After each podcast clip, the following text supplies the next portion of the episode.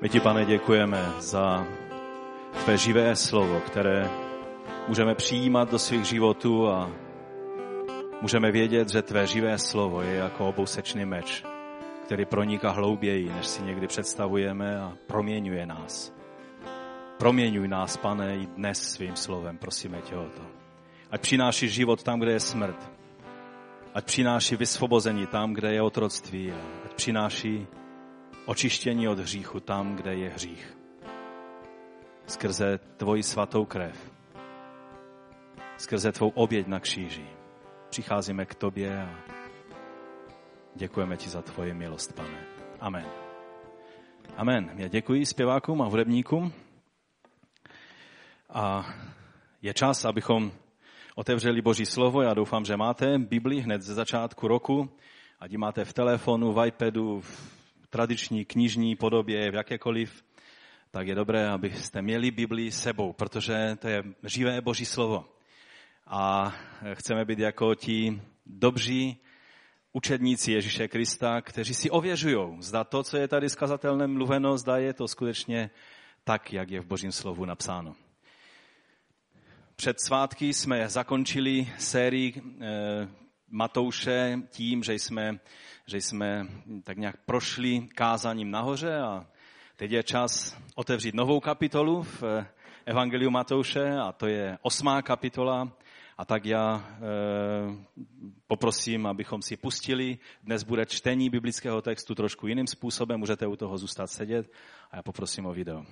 Když poté sestoupil z hory, následovali ho velké zástupy. Takže ten náš Dnešní text začíná slovy, když se stoupil z hory, vydali se za ním velké zástupy. A pak je tam řečeno, a hle, přišel malomocný. Vždycky, když je v tom textu a hle, tak eh, neznamená, že to eh, následovalo eh, hned nějak po sobě. Matouš nám nedává přesný popis toho, co se stalo, ale, ale nám dává sdělení. A ty tři příběhy, které jsme viděli, tak je to vlastně začátek osmé kapitoly. Pak tam je eh, řečeno, řečeno, jsou určité podmínky toho, co znamená být učedníkem Ježíše Krista. A pak jsou ještě další věci, které pán Ježíš dělal.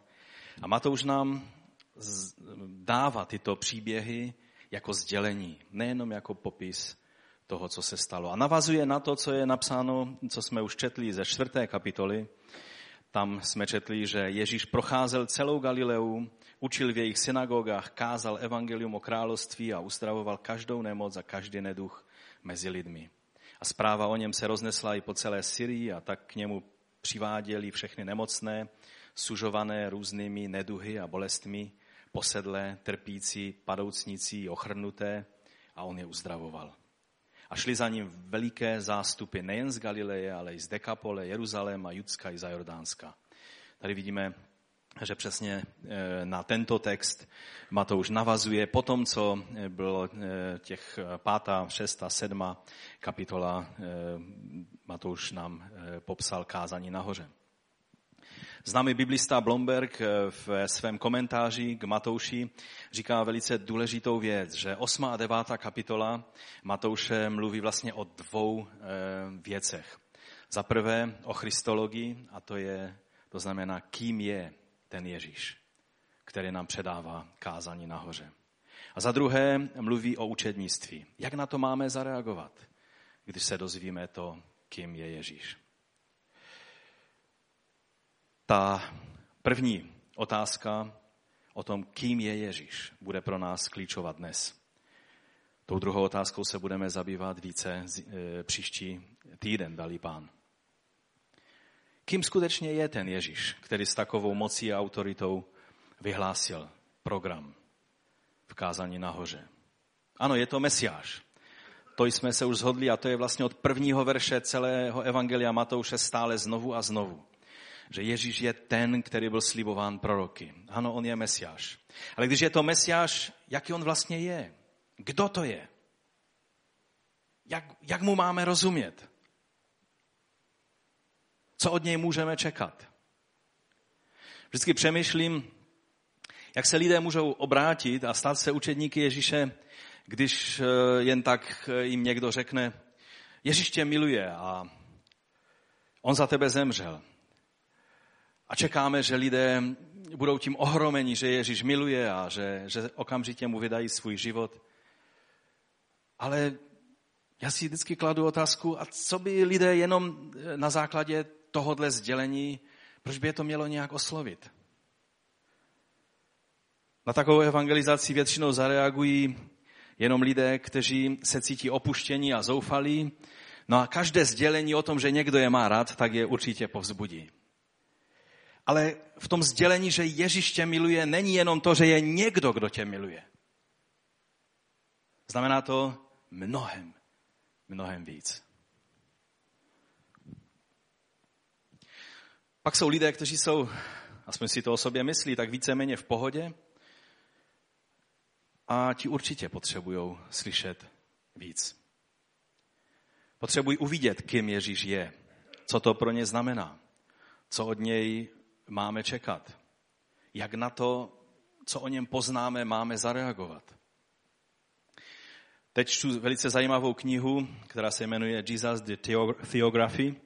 Je to kniha vlastně popis Ježíše, jak v jeho věčné minulosti, tak, tak v jeho pozemském životě, tak i v jeho věčné budoucnosti. A je to kniha, která, která mě fascinuje právě tím, že mluví o Ježíši v tom daleko obšírnějším obraze, než jenom o tom, že on přišel zde na zem a e, žil a dělal ty skutky, které dělal. A souhlasím s autorem N.T. Wrightem, kterého tam e, autor té knihy cituje, e, Frank Viola, že Ježíš je mnohem, mnohem víc, než si uvědomujeme. Doslova cituji, potíž je v tom, že Ježíš byl a je mnohem, mnohem víc, než si lidé představují. Nejen běžní lidé, ale praktikující věřící, dokonce i samotné církve. A já s ním velice vřele souhlasím. A tak když chcete slyšet mé novoroční přání pro nás a pro každého jednoho a také pro naše rodiny a také pro nás jako pro církev Kristovu, tak eh, moje touha, moje přání je, abychom v tom roce poznali Ježíše lépe. To je i téma toho dnešního slova. Poznat Ježíše, poznat ho více, poznat ho lépe. Poznat ho takovým, jakým on je. Nepoznat ho jenom z popisu, ale poznat ho ze zkušenosti.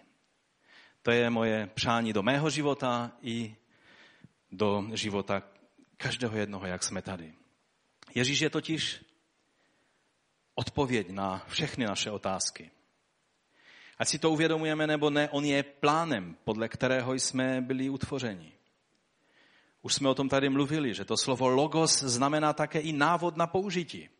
On je tím návodem na to, jak máme zacházet se svým životem. Pokud zacházíme se svými životy jinak, než je dáno v tom návodě, to znamená v Ježíši Kristu, pak se nemůžeme zlobit na celý svět, že věci nejdou tak, jak by měly. On je boží moudrostí, on je radou boží. On je vším, čím Bůh je pro nás v tomto našem kosmu, v tomto našem časoprostoru. Dnes budeme mluvit o třech příbězích, o třech uzdraveních. A jak jsem už řekl, není to jenom popis toho, co se stalo, ale je to sdělení. Sdělení o Ježíši. A není to jenom sdělení o Ježíši, ale já věřím, že skrze toto sdělení Ježíš chce zjevit se nám více jako ten, který má o nás zájem který je ochoten vstoupit do našeho života se svou proměňující mocí a láskou. Víte, pán Ježíš uzdravil tolik lidí, že Matouš mohl psát nekonečné série příběhů o tom, co pán Ježíš udělal. On tady velice pečlivě vybral tyto tři příběhy, aby nám ukázal Ježíše, jakým on je. A to je to sdělení, které věřím, že dneska budeme moci přijmout že dovolíme Ježíši, aby se nám zjevil. Abychom to sdělení, které on skrze Ducha Svatého Matoušovi dal, mohli přijmout. Je to evangelium, není to biografie. Matouš nepsal životopis Ježíšův, psal evangelium. Evangelium znamená poselství od Boha pro nás. Když se ptáme, co je evangelium, Matoušovo evangelium je evangelium. Stejně jako je Markovo, Lukášovo, Jánovo. Toto je evangelium. Pokud chceš hlásat evangelium, musíš hlásat tohle evangelium. Každé jiné dobře míněná slova můžou být jen dobře míněná slova. Evangelium je tohle.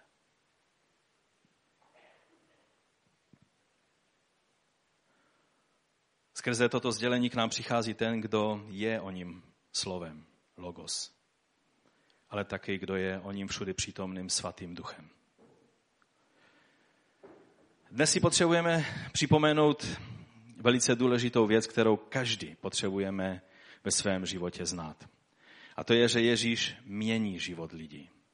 Obecné povědomí na tomto světě je, že když člověk jednou je takový, jaký je, už se nemůže změnit.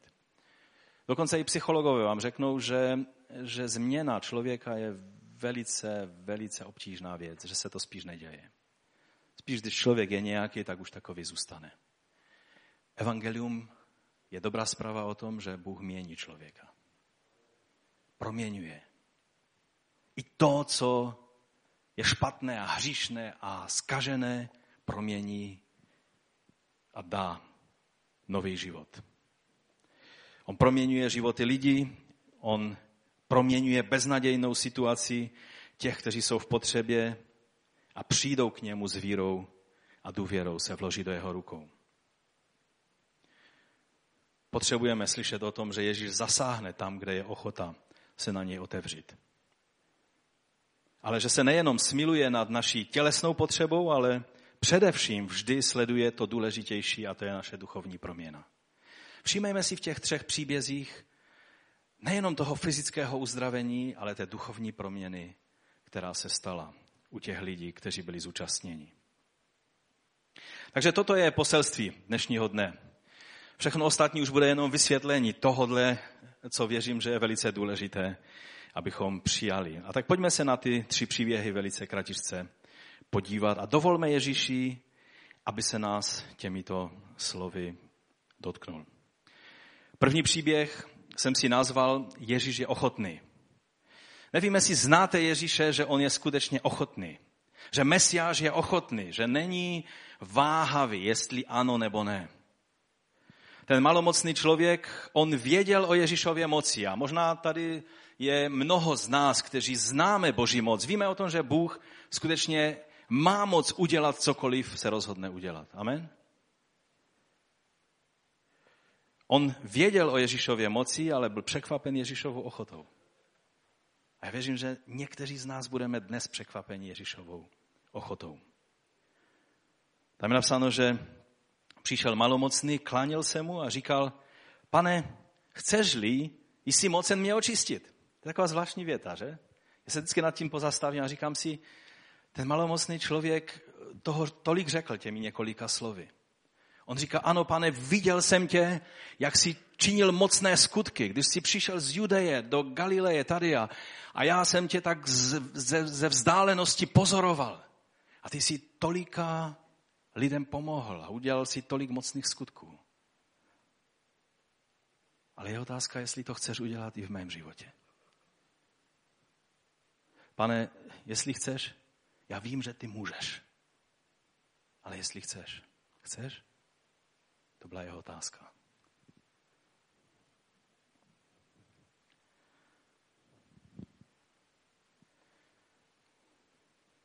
Možná jsi také viděl už mnohé věci.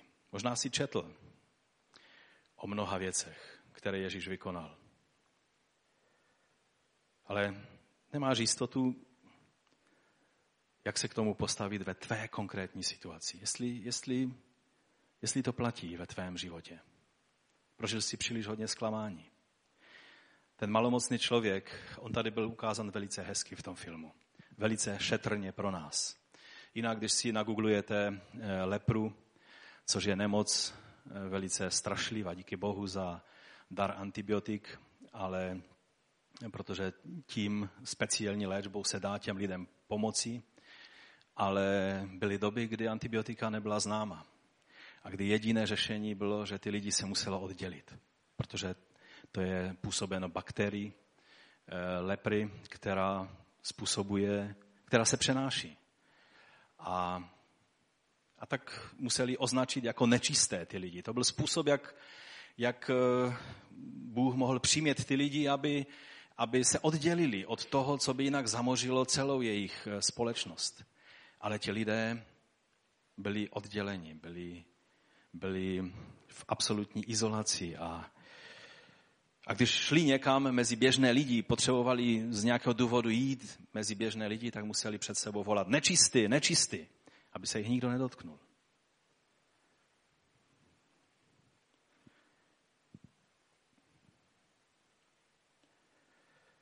Možná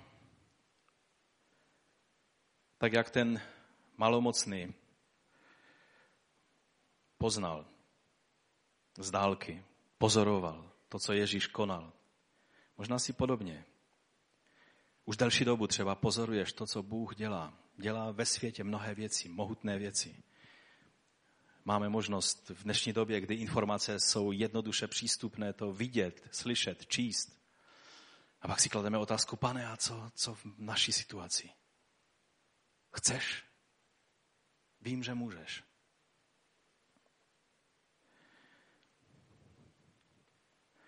Hledej jeho tvář. Ten malomocný měl tisíc důvodů, proč nejít k Ježíši. Ale on šel. On tím riskoval, že lidé ho budou odhánět. Eh, v kterých si spisech ze staré doby se píše, že někteří praktičtí lidé měli po kapsách kameny. Když šli a náhodou viděli eh, malomocného, který tak nějak se přiblížoval na příliš velkou vzdálenost, nebo příliš blízkou vzdálenost k ním, tak házeli po něm kameny, aby se vzdálil, aby se náhodou nenakazili. Nebo aby se nedotkli nečistého, jak tomu rozuměli tehdy. On riskoval odmítnutí a, a všechno možné jiné. Ale on hledal Ježíše a, a je otázka, jestli ty a já, jestli hledáme Ježíše, jestli za ním jdeme. Jestli za ním jdeme tak, aby se nás mohl dotknout.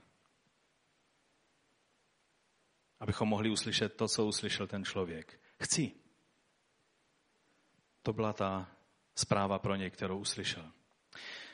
Když uslyšíme z Ježíšových úst chci, neznamená vždy nutně, že v tu chvíli budeme uzdraveni. Bylo mnoho malomocných a mnozích eh, toužili po uzdravení. A tento člověk prožil uzdravení v jednom okamžiku. Někdy ty věci probíhají trošku jinak. Ale to, co nám Bůh chce dát poznat, to je, to chci. On chce svoji milost prokázat. Pro apoštola Pavla to znamenalo, že volal k pánu a modlil se tak dlouho, až uslyšel od pána zřetelné slovo do své situace, kdy uslyšel, dost máš na mé milosti. A tehdy on se radoval, protože věděl, že Boží milost se projevuje v jeho slabosti. V té jeho konkrétní nemoci.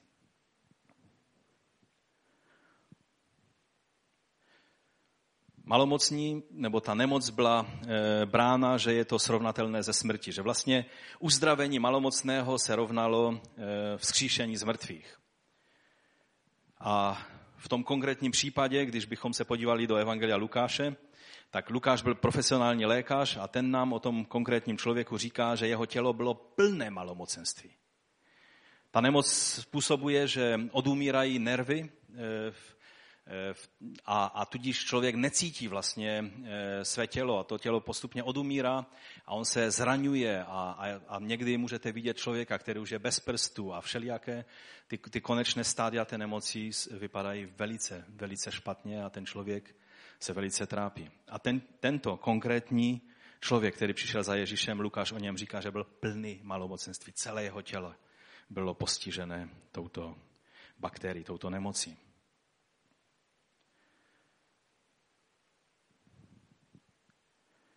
K tomu fyzickému strádání, které tito lidé prožívali, tak se samozřejmě připojovalo i to duchovní odloučení, které bylo nutné a samozřejmě farizeové, kteří byli mistry v vytváření všelijakých pravidel kolem Božího slova, tak samozřejmě ještě víc to stěžovali a ještě víc toho udělali celou vědu. A tudíž ti lidé žili v koloních mimo město, byli v podstatě vyloučeni ze společenství božího lidu, aby se mohli účastnit života v chrámu a v těch všech věcech. Ještě dnes se odhaduje, že žije na 10 milionů lidí, kteří jsou postiženi touto nemocí. Ještě donedávna dokonce v Rumunsku byla taková kolonie pro, pro malomocné lidi. Za Čaučeska samozřejmě to bylo přísně tajné, takové problémy neexistovaly. Jako každý problém za komunistů, za komunismu nejsou problémy, to je jednoduchý režim, tam nejsou problémy. Takže jestli nechcete vědět o problémech, nechcete vědět o tom, že existuje korupce a rozkrádání, tak můžete volit komunisty a je to jednoduché, nebo bývalé komunisty. Budou, bude po problémech. Nic nebude vidět, všechno bude hezky uspořádáno, jako na pionýrském táboře nebo v nějakém jiném táboře. No ale pojďme zpátky k tomu člověku. Asi už to bylo celá léta, co se ho nikdo nedotknul, protože eh, on byl nečistý, čili lidé se ho neměli dotýkat. A tady přišel k Ježíši a je napsáno, že před ním poklekl a Lukáš dokonce píše, že padl na tvář před Ježíšem. A pak tady je napsáno, že Ježíš k němu vztáhl ruku. Je to napsáno takovým způsobem, že je z toho vidět, že on zůstal určitou vzdálenost před Ježíšem. On nepřišel jako ten domyšlivý člověk, který to chce na vás zkoušet. Se zastavil před Ježíšem v určité vzdálenosti, že Ježíš, tam je slovo, které říká, že on musel vztáhnout ruku, napřáhnout se a dotknul se ho. Víte, to, že se ho Ježíš dotknul, bylo vlastně proti zákonu.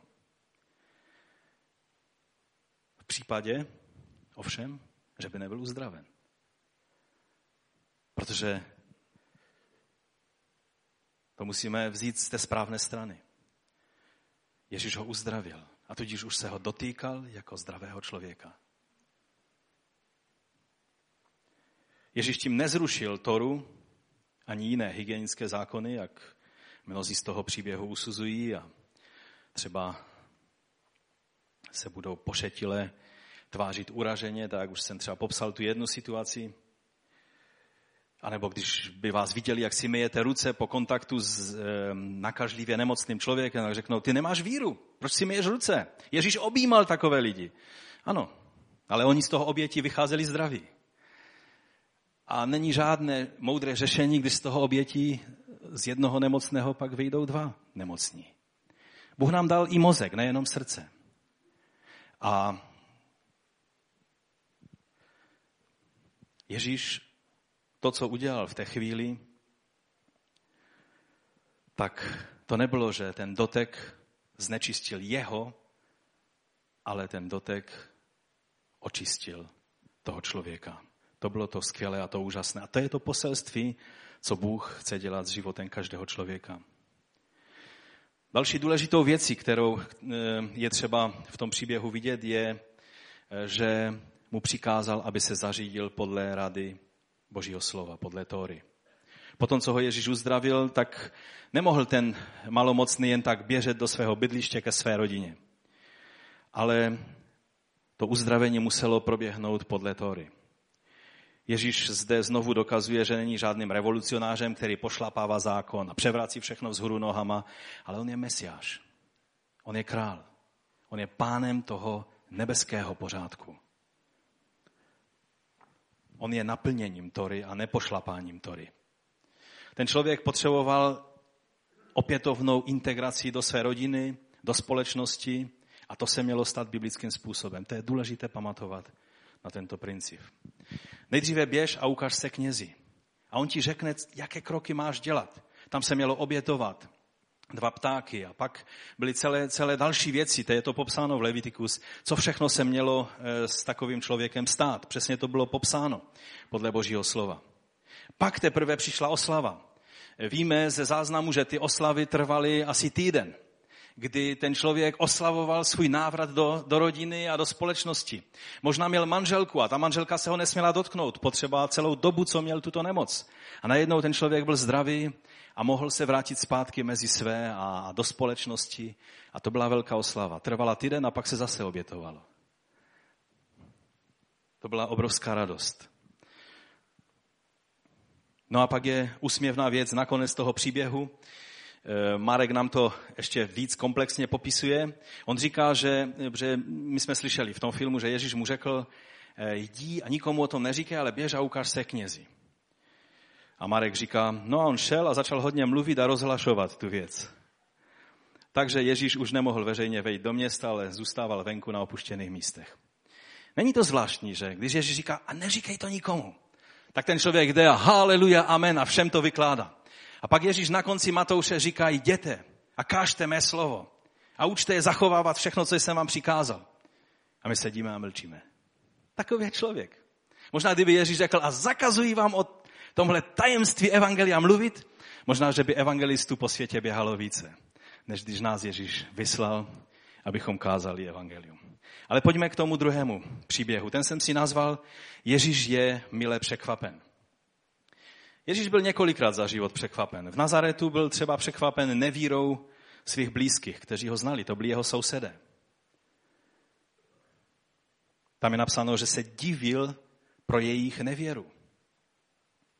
Zde ovšem máme opačnou situaci. Ježíš byl mile překvapen.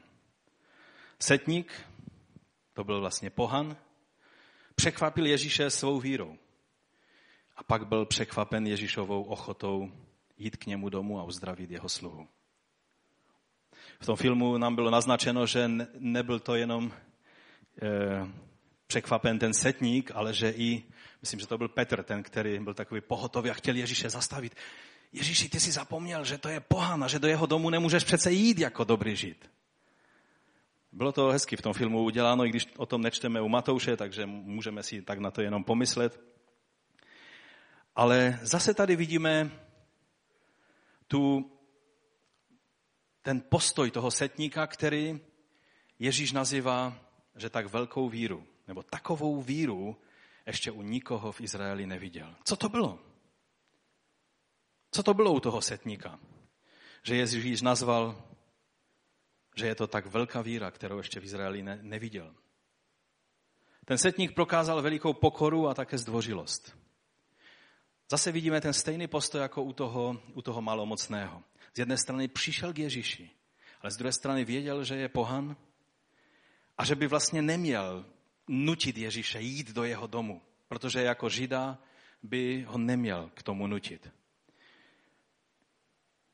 Ale z druhé strany věděl, kým je Ježíš, že má autoritu od Boha nad vším, včetně nemocí. Věděl, že Ježíš poroučí nemocem a tady je vidět zvláštně tu, tu logiku, která fungovala v hlavě tohoto eh, poctivého vojáka. Že tak jako on rozkazuje vojákům a, a otrokům a sluhům, tak stejně Ježíš může rozkazovat všemu, protože je v autoritě Boží. Boží autorita je v něm. A tak on řekl, pane, nejsem hoden, abys vstoupil pod mou střechu. Řekni jen slovo a můj sluha bude uzdraven. Toto je postoj člověka, který měl absolutní důvěru v to, že Ježíš je v autoritě Boží, že je to víc než pouhý člověk. Takže víra, podle toho, co nám tady ukazuje eh, Matouš, je vlastně spolehnutí se na to, že Ježíš je vším, co je Bůh pro nás, že stojí v autoritě Boží, že je plnosti Boží pro nás. A tak jako v té 28. kapitole Matouše, pak pan Ježíš říká, byla mi dána veškerá pravomoc na nebi i na zemi. Ten setník už to viděl tady v této situaci podle Ježíšova jednání. A ta setníkové, to setníkovo uvažování vycházelo ze systému, jak fungovali, jak fungoval římský, římský systém eh, vojenský.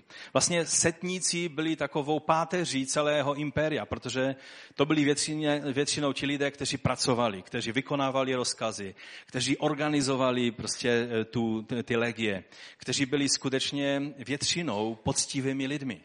My vidíme, že kdekoliv se setkáme s nějakým setníkem eh, v Novém zákoně, takže většinou je to rozumný člověk. A tento navíc byl člověk víry, byl to člověk, který skutečně přišel za Ježíšem s vírou. A v, jeho, v tom jeho chápaní to bylo, protože ten římský eh, vojenský systém byl postaven na tom, že každý důstojník neměl svou vlastní autoritu, ale měl autoritu císaře. Veškerá autorita patřila císaři. Takže když potom nějaký e, vojín se vzepřel autoritě toho centuriona nebo toho, e, toho setníka, tak v podstatě se nevzepřel tomu setníkovi jako člověku, ale vzepřel se celému Římu. Protože ten setník zastupoval, byl vlastně vyjádřením autority císaře a tudíž autority celého Říma. Takže on věděl, když Ježíš je tady v autoritě, jako poslaný od Boha, pak veškerá boží autorita eh, je na něm a cokoliv on řekne, to bude platit. Takovým, takovým způsobem on uvažoval a Ježíš žasnul nad jeho vírou. A pak najednou z Ježíše vidíme, jak vychází touha jeho srdce. Jak říká, pravím vám, že mnozí přijdou od východu i západu a budou stolovat s Abrahamem, Izákem a Jákobem v království nebes. Avšak synové království budou vyvrženi do nejzastří temnoty, tam bude pláč a skřípění zubů najednou jakoby ještě předčasně, protože teď byl čas, kdy měl zhromáždit eh, ovce Izraele. A Ježíš to mluví na, na, na jiných místech. Ale najednou, když vidí víru toho setníka, tak, tak už tak trošku se zasnil a říká si, přijde čas. Po tom, co Ježíš bude obětovan, co Duch Boží bude vylít na, na církev Kristovou, tak přijdou od východu a od západu mnozí lidé. A najednou Ježíš viděl ty miliony lidí, kteří přijdou k němu a a kteří nakonec budou spolu stolovat. Protože když si žít představuje věčný život, tak si představuje velikou hostinu. I tisícileté království je, je představeno, mesiánské království je představeno jako velká hostina. A jako svatební hostina vlastně. A Ježíš najednou vidí ty tisíce a miliony těch, kteří přicházejí a stolují s Abrahamem a s jinými patriarchy. Jako by se už nemohl dočkat, až padne ta opona, která odděluje lidi všech národů od boží přítomnosti. No a závěrem tohoto bodu je zde jedna taková zajímavá věc, které je dobré si všimnout. Já si myslím, že ten setník si nebyl jistý, že Ježíš bude ochoten přijít k němu domů. A proto, protože byl zdvořilý a slušný člověk, tak mu říkal, stačí, že řekneš slovo. Ale všimněte si, co Ježíš řekl ještě předtím, než to řekl. Ježíš byl ochoten jít. On znal jeho srdce a, řekl, ano, půjdu a uzdravím tvého sluhu. Z Ježíše to takhle jenom vyhrklo. Zase ta ochota je tady vidět. Zase je tady ten postoj, že Ježíš byl ochoten jít do domu toho setníka. Všichni učedníci by se škrabali za uchem. Jak to ten Ježíš vyřešit? Teď je to, teď je to pohan, teď je to okupační důstojník.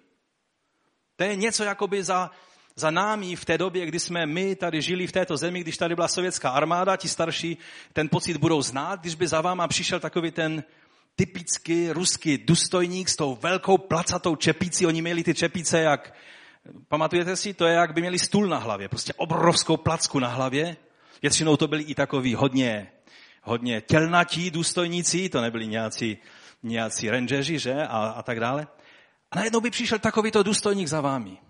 Tenhle pocit měli učedníci. A Ježíš říká, ano, půjdu a uzdravím tvého sluhu. A on říká, ne, nemusíš. Já vím, že ti všichni lidé by z toho měli bolení hlavy. Stačí, že řekneš slovo. A bude zdravý můj sluha. Ale Ježíš byl ochoten jít k němu domů.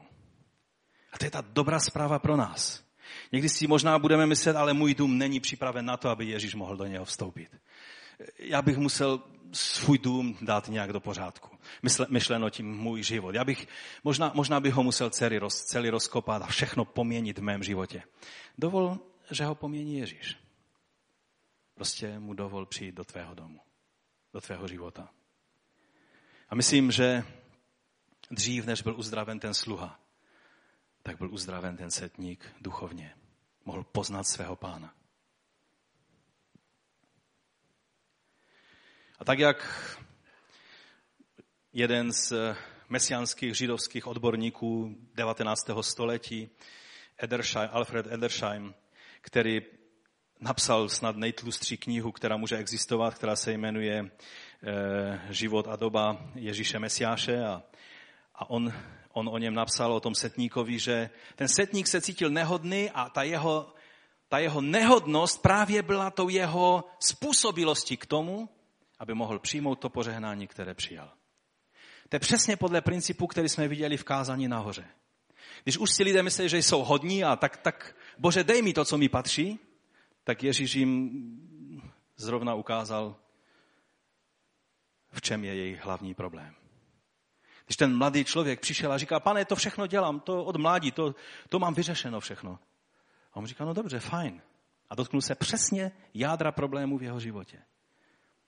A když někdo přišel a byl se do hrudí a říká, Bože, buď milosti v mě hříšnému, já, já nemám odvahu ani pozvednout své oči k tobě.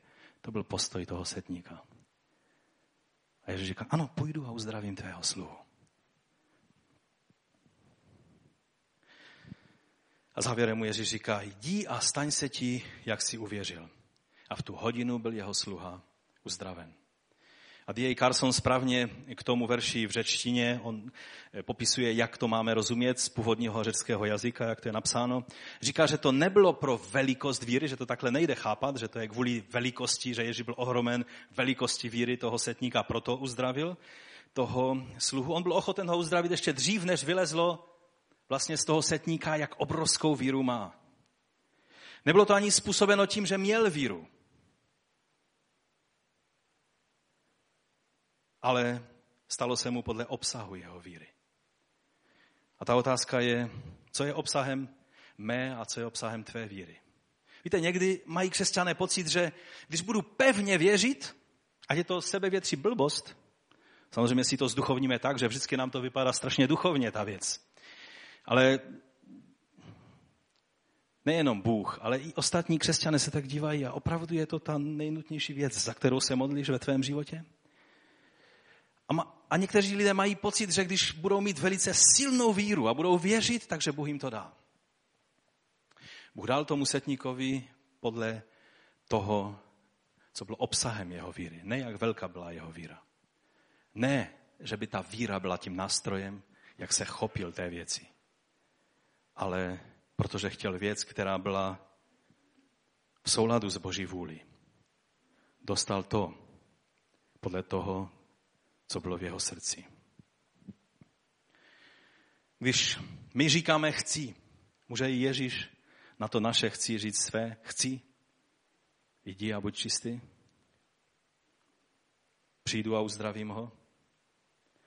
Pokud je u nás stejná pokora a víra, která uznává Ježíšovu autoritu, pak Ježíš je ochoten s námi jít k nám domů.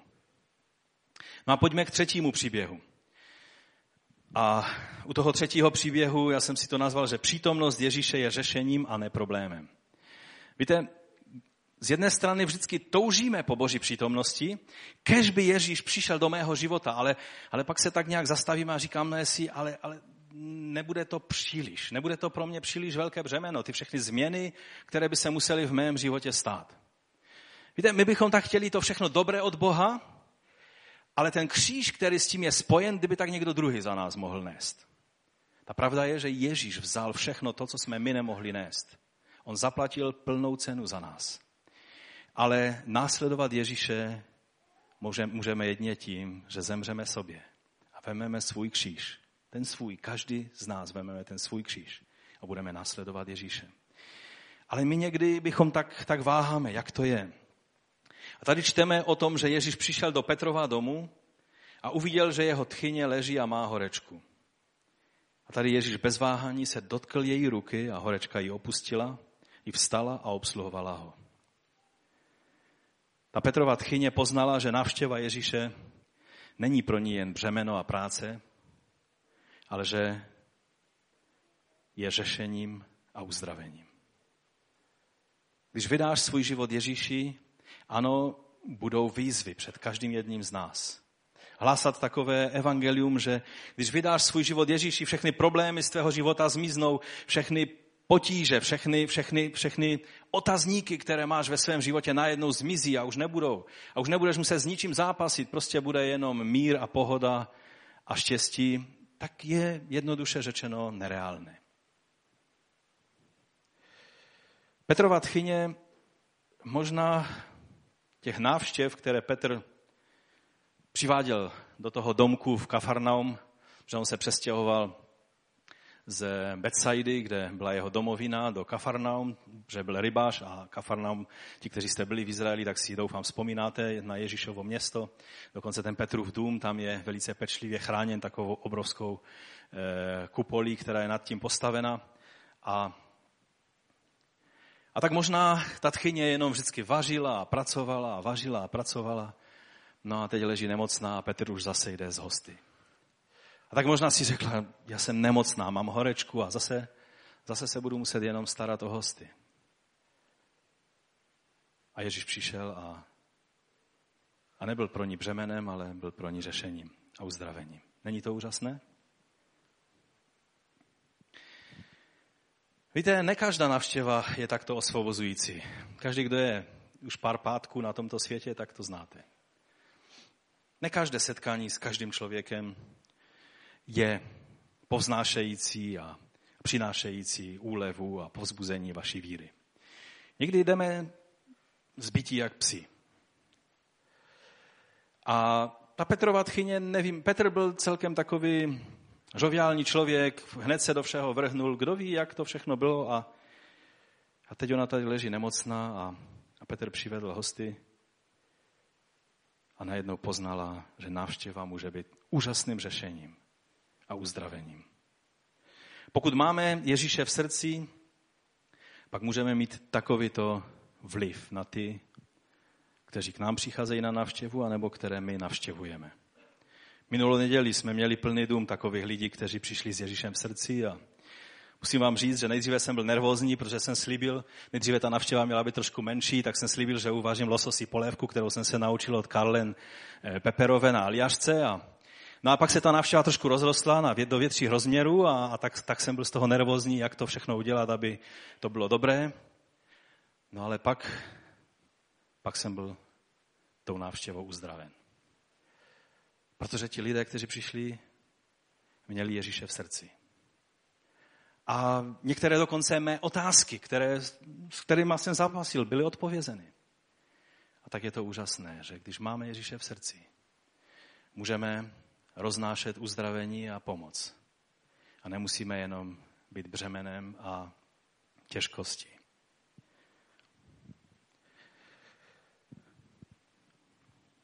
Ale samozřejmě ten princip jde dál. Mnozí lidé se bojí pozvat Ježíše do svého života, protože neví, co od Ježíše očekávat. Bojí se komplikací a toho, že to bude příliš těžká řehole. Nebo se bojí toho, že boží požehnání, co to všechno bude znamenat. Možná to přinese jenom problémy. Minulou neděli nám tady Indra mluvil, že boží požehnání někdy vypadá dosti odlišně, než jak bychom si je představovali. Ta dobrá zpráva ovšem je, že přítomnost Boží je řešením a ne problémem. I v případě, že přichází z úplně jiné strany, než bychom je čekali, o čem mluvil minule Jindra. Vždycky je to řešení a ne problém. To, co přichází od Boha, i když to přichází jako bolest, je to řešení a ne problém. A znovu tady vidíme Ježíše, jak překračuje tehdejší tabu, jak se dotýká nemocné v horečce. Židé zase vytvořili pravidlo, že nemocného s horečkami se nesmíte dotýkat. Ale zase je tady to, že nepošpinila ta horečka jeho, ale on ten jeho dotek uzdravil tu nemocnou. No a na závěr vidíme, že ta zpráva se roznesla a přišli mnozí nemocní a posedlí a byli uzdravováni. A Matouš nám cituje Izajáše z 53. kapitoly. Jenže to byly naše nemoci, které snášel, naše bolesti, které nesl. A my jsme si o něm mysleli, že je zasažen a ubit Bohem a skrušen. Ale on byl proboden za naše přestoupení, zdeptán za naše provinění a na něho dolehla kázeň pro náš pokoj a jeho šrámy jsme uzdraveni. A A toto slovo v tom 17. verši Matouš cituje. Samozřejmě vždy, tak jak u toho Izajáše jde o uzdravení duchovní. To je to hlavní poselství. Ale někdy jde i o to uzdravení tělesné a Bůh zasahuje do, naší, do našeho života a dává řešení tam, kde ho potřebujeme. A možná je v tobě taková otázka, pane, slyšeli jsme o tom, co jsi konal. Tam, kdysi v dobách biblických. Viděli jsme to na videu. Ale co bude se mnou?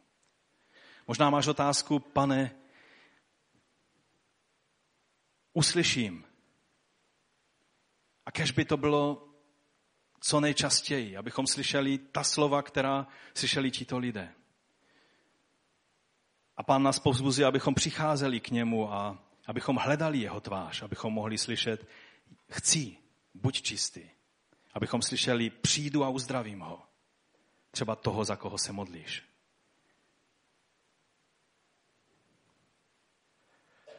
A věc, že vždycky bude platit to, že on naše neduhy sněl a naše nemoci nesl. Víte, někdy se díváme na ty příběhy biblické jako na něco, co je příliš vzdálené. Někdy dokonce i příběhy, které čteme v knihách, jsou vzdálené. Já bych vám teď ještě v pár minutkách, předtím, než přistoupíme k večeři páně, přečetl svědectví, které je sice z knihy, ale jak vám pak na závěr řeknu, tak je nám docela blízké. To je ze začátku toho hnutí, jehož jsme jako zbor součástí. A tady v té knize těch dokumentů, to je první eh, díl historie letničního hnutí, tak eh, bratr Žvak eh, sepsal to, co, co prožila rodina Žvakových v Horní Suché a jak vám potom řeknu, tak se to hodně týkalo i našeho sboru. Potom, co se z této události radovala celá rodina, to byla událost, že z první světové války přišel otec který byl zázračně zachráněn na frontě, byl zachován živý a dokonce vyznamenán, i když nebojoval takovým způsobem, jak si to ti velitelé mysleli, protože on byl schovaný, aby nemusel bojovat na bodáky, někde v zákopu si ho nevšimnul nepřítel, tak to přežil celou, celou tu, tu věc a pak se vrátil zdravý domů. A radovali se, ale začínal, tady napsáno, bohužel začínal starý způsob života. Ale pan Bůh měl jiné plány. V prosinci toho roku onemocněla manželka mého bratra, že to píše jeho bratr, sestra již vzpomínaného bratra Jiřího Šlivky.